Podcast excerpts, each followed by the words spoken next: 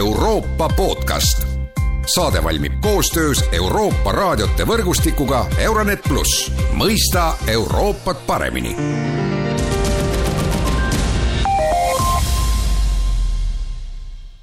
tere ja alustame tänase Euroopa podcastiga.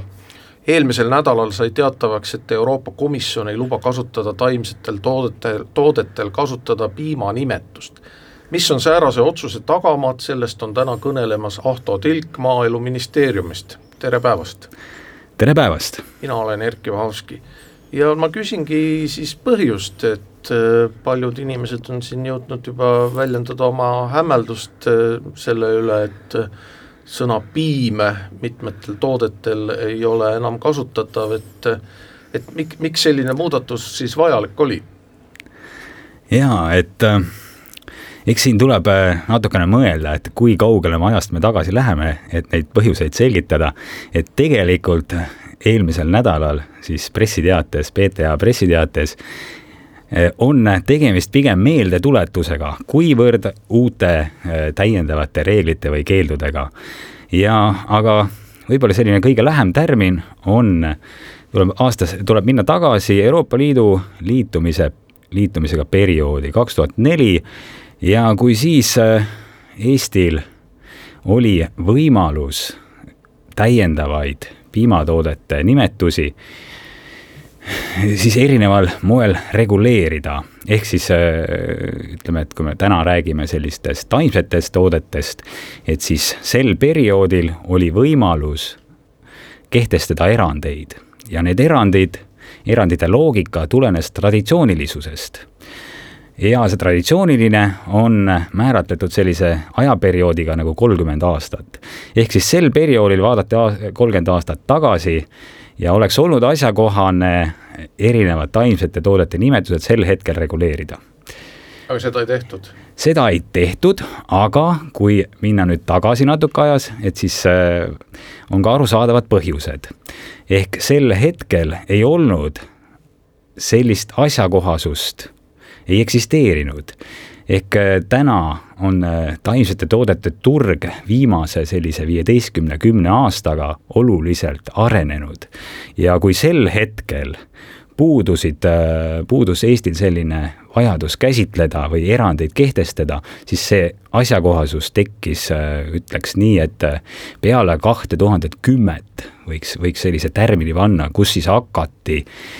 hakati erinevate taimsete toodetega üha rohkem turule tulema ja üritati siis leida sobivaid nimetusi. et see on siis selline taust, et kus, kus see erand on alguse saanud ja, ja, ja ja selle, selle kaudu oleks siis olnud võimalik tänased sellised kõnealused tooted, mis siin ka eelmise nädala pressiteates välja toodi, et erinevad kookospiim, maapähkli või et küll see kaeratoode on midagi, midagi sellist, mis täna on äh, uudsem,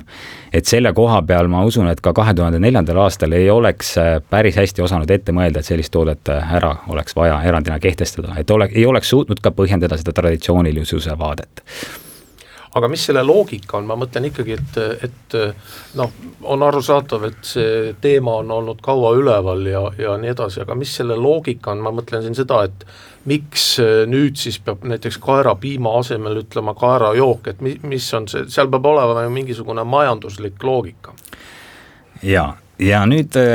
sellise järgmise loogika otsimisel ma arvan, et me peaksime minema veelgi kaugemale kui selline kaks tuhat neli, et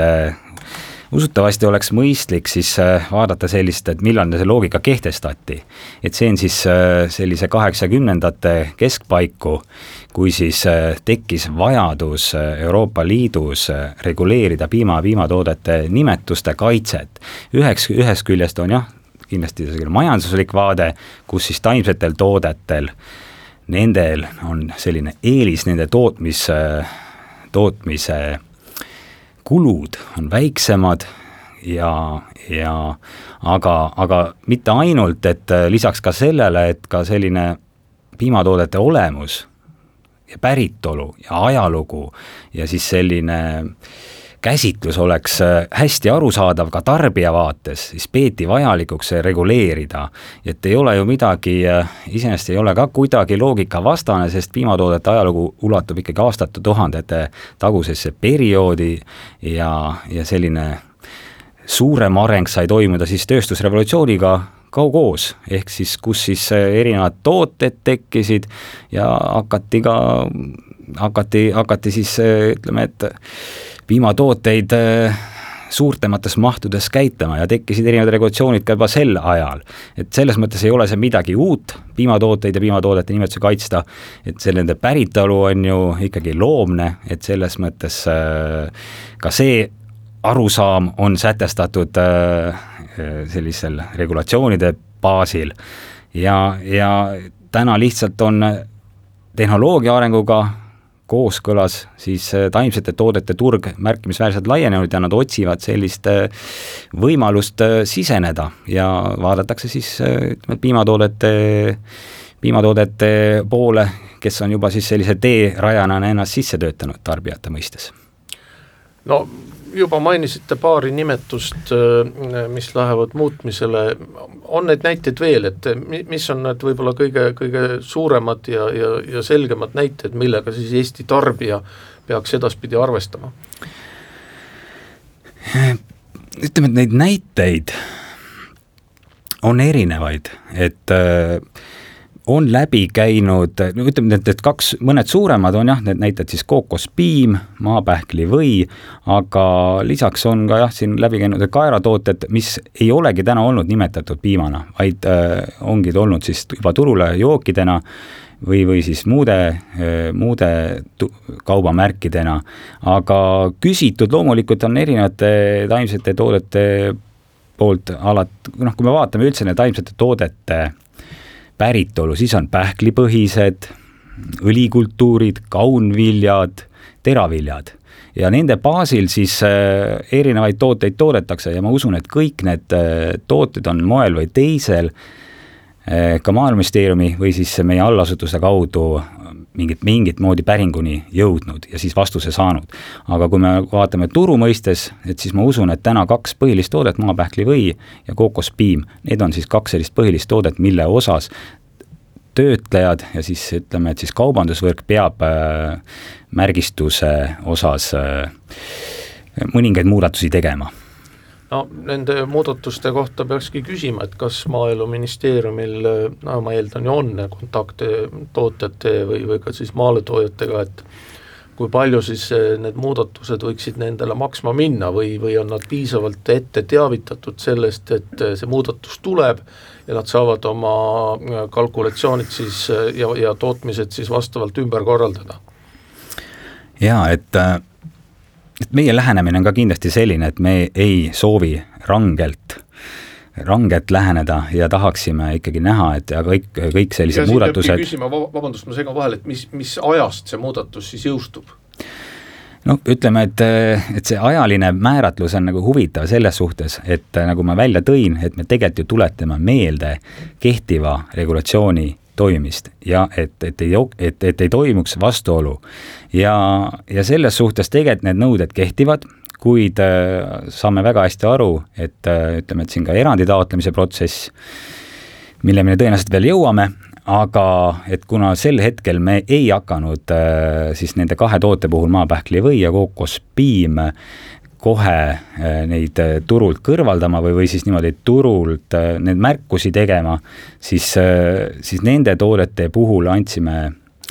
ei sekkunud selle erandi taotlemise protsessi käigus. aga kui me tänast pilti vaatame, et siis nagu ka pressiteates oli öeldud, et PTA siis tõhustab järelevalvet järgmise aasta alguses ja selle järelevalve tõhustamise mõte on see, et, et sel hetkel siis kaardistatakse täpsem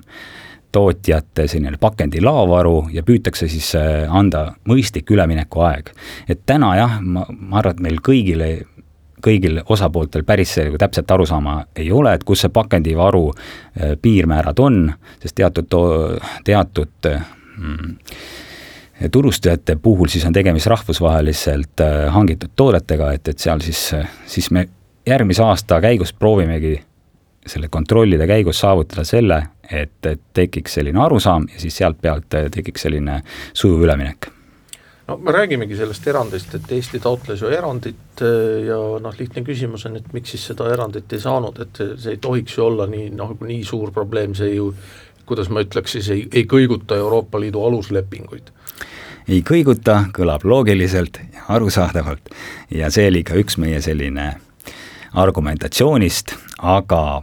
aga kui ma eelnevalt selgitasin, siis komi-, komisjon, siis Euroopa Komisjon siis väljendas seisukohta, et selle erandi taotlemise loogika sai toimuda liitumisprotsessi käigus või siis vahetult sellele järgneval perioodil. meie pöördusime mm, oma erandi taotlemiseks ikkagi aastaid hiljem, kui see, kui see teema meil, meie turul sai asjakohaseks ja ja sellest lähtuvalt äh, siis ikkagi jõudsime, jõudsime oma vastustes või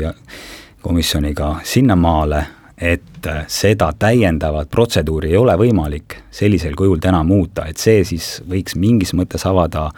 mitte just Pandora laeka, aga, aga tekitaks küsimusi te, selle, sellise protseduuri kehtivuses. täna on see seisukord selline, meie põhjendusi ei võetud arvesse, otseselt me ei täitnud ka seda traditsioonilisuse mõõdet, mis on siis kolmkümmend aastat. Ja, ja sellest lähtuvalt äh, me seda erandit ei rahuldatud, ma tean ka seda, et, et mitmed teised riigid, noh, meil siin naaberriigid, Balti riigid siis eelkõige, on äh, seda erandit äh, püüdnud taodelda, ka meie tegime seda Lätiga koostöös, aga vastused jäid ühetaoliseks ja kuskilt maalt me tundsime, et peame selle kriipsu alla tõmbama ja teemaga edasi minema. ja meil tundus, et äh, täna, täna on see seis selline, et kas tulevikus võib juhtuda, et taimsete toodete turu arenemisel komisjon või Euroopa Liit ise avab selle, see on täitsa võimalik, aga täna on see seis selline, et äh, et eristame taimsed tooted ja siis loomset päritolu piima ja piimatooted. no vist mainisite ka seda juba korra, aga ma küsin üle, et kas asi on ka selles, et noh, mingisuguseid tooteid ei olnud ju sellises mahus ka olemas, et kui me hakkasime Euroopa Liiduga liikuma, et no ja, ja ma mõtlen sealt tagasi ka veel, et kui me mõtleme üheksakümnendatele, siis no väga palju Eestis ei räägitud ju maapähklivõist ja kookospiimast ja, ja, ja noh, ilmselt äh, on ju, võib ju eeldada, et äh, selliseid tooteid tuleb veel, et noh, meie toidulaud on ju siin aastatega ikkagi muutunud järjest mitmekesisemaks. tuleb veel, see on selge, seda me näeme, aga aga mõned head näited võib-olla, kuidas siis ikkagi on ka seda olukorda lahendatud, võiks tuua, noh, toome siis mõned sojatoodete puhul, et äh, sojatooted on nagu üldse selline hea valdkond, et äh, kus siis äh, ühest kultuurist on võimalik toota selliseid erinevaid alternatiive, et siis joogid, tahked, täna müüakse neid kotlettidena, erinevate kastete, määrdetena, et loomulikult seal on tehnoloogiline protsess, lisaained ja kõik selline muu sinna juurde käiv, sest tegemist ikkagi on kaunviljapõhise tootega, aga, aga, aga, aga see lihtsalt see näide et kuidas ka nagu sojatooted on käinud läbi kogu selle protsessi, nad on üritanud siis äh, piimatoodete nimetusi kasutada, need on ära keelatud, on ka Euroopa Liidu kohtus äh, sojatoodete osas äh, tekkinud vaidlus lahendatud, aga täna on siis tekkinud selline toode nagu tofu, mis ei seosta keegi otseselt ju piimatootega, aga on siis tekkinud selline traditsiooniline, ma ei, kas just nagu traditsiooniline päris pika aja mõistes, aga sellise lühi, lähivaatluse ajakoha pealt on siis sojatoode tofu saavutanud turul oma, oma positsiooni. ja noh, ja, ja lõppu selline küsimus, mis on natuke hinnanguline, aga ikkagi, et noh, et paljud ju saavad siit, euroskeptikud saavad siit ju jälle nii-öelda püssirohtu Euroopa Liidu siunamiseks, et, et Euroopa Liit tegeleb äh, banaanikõverustega ja kurgikõverustega ja nüüd hakkab siis nagu muutma nagu piimanimetust ja, ja nii edasi, et mis te neile ütlete? see on, see on täiesti põhjendatud,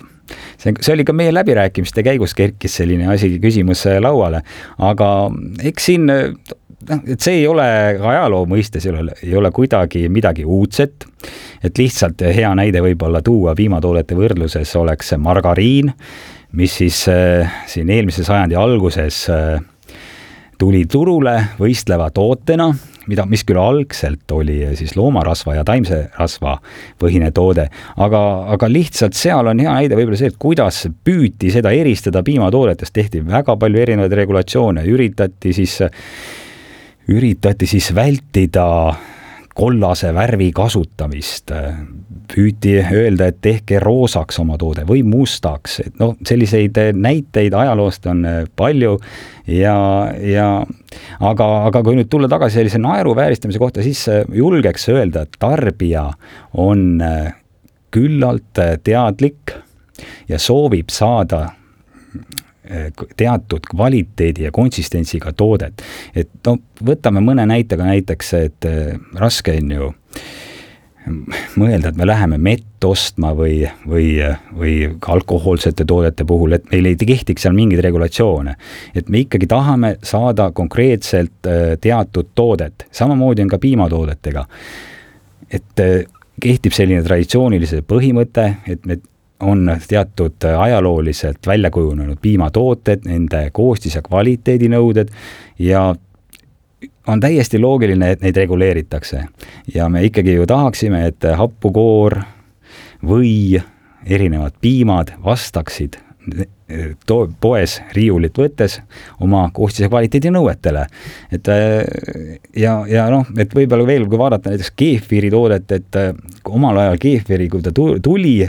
et seda nimetust veel ei olnud, et nimetati seda siis piimavein või piimaviin et kui me nüüd viina pähe võiksime osta sellise toote nagu keefiri, et siis võiks ikka pettuda küll, et ma usun, et selles, et purju ikka ei jää, et, et selles suhtes tundub, et need äh, piirangutel on mingi loogika ja põhimõte, et, et selle, et neid nagu järgida ja kehtestada. et selles suhtes äh, tuleb arvestada, et need on ikkagi tehtud põhjusega ja ühest küljest ka kindlasti tarbija vaates aitäh, Ahto Tilk, selline oli meie tänane Euroopa podcast, mina olin Erkki Bahovski, kõike head ja kuulmiseni!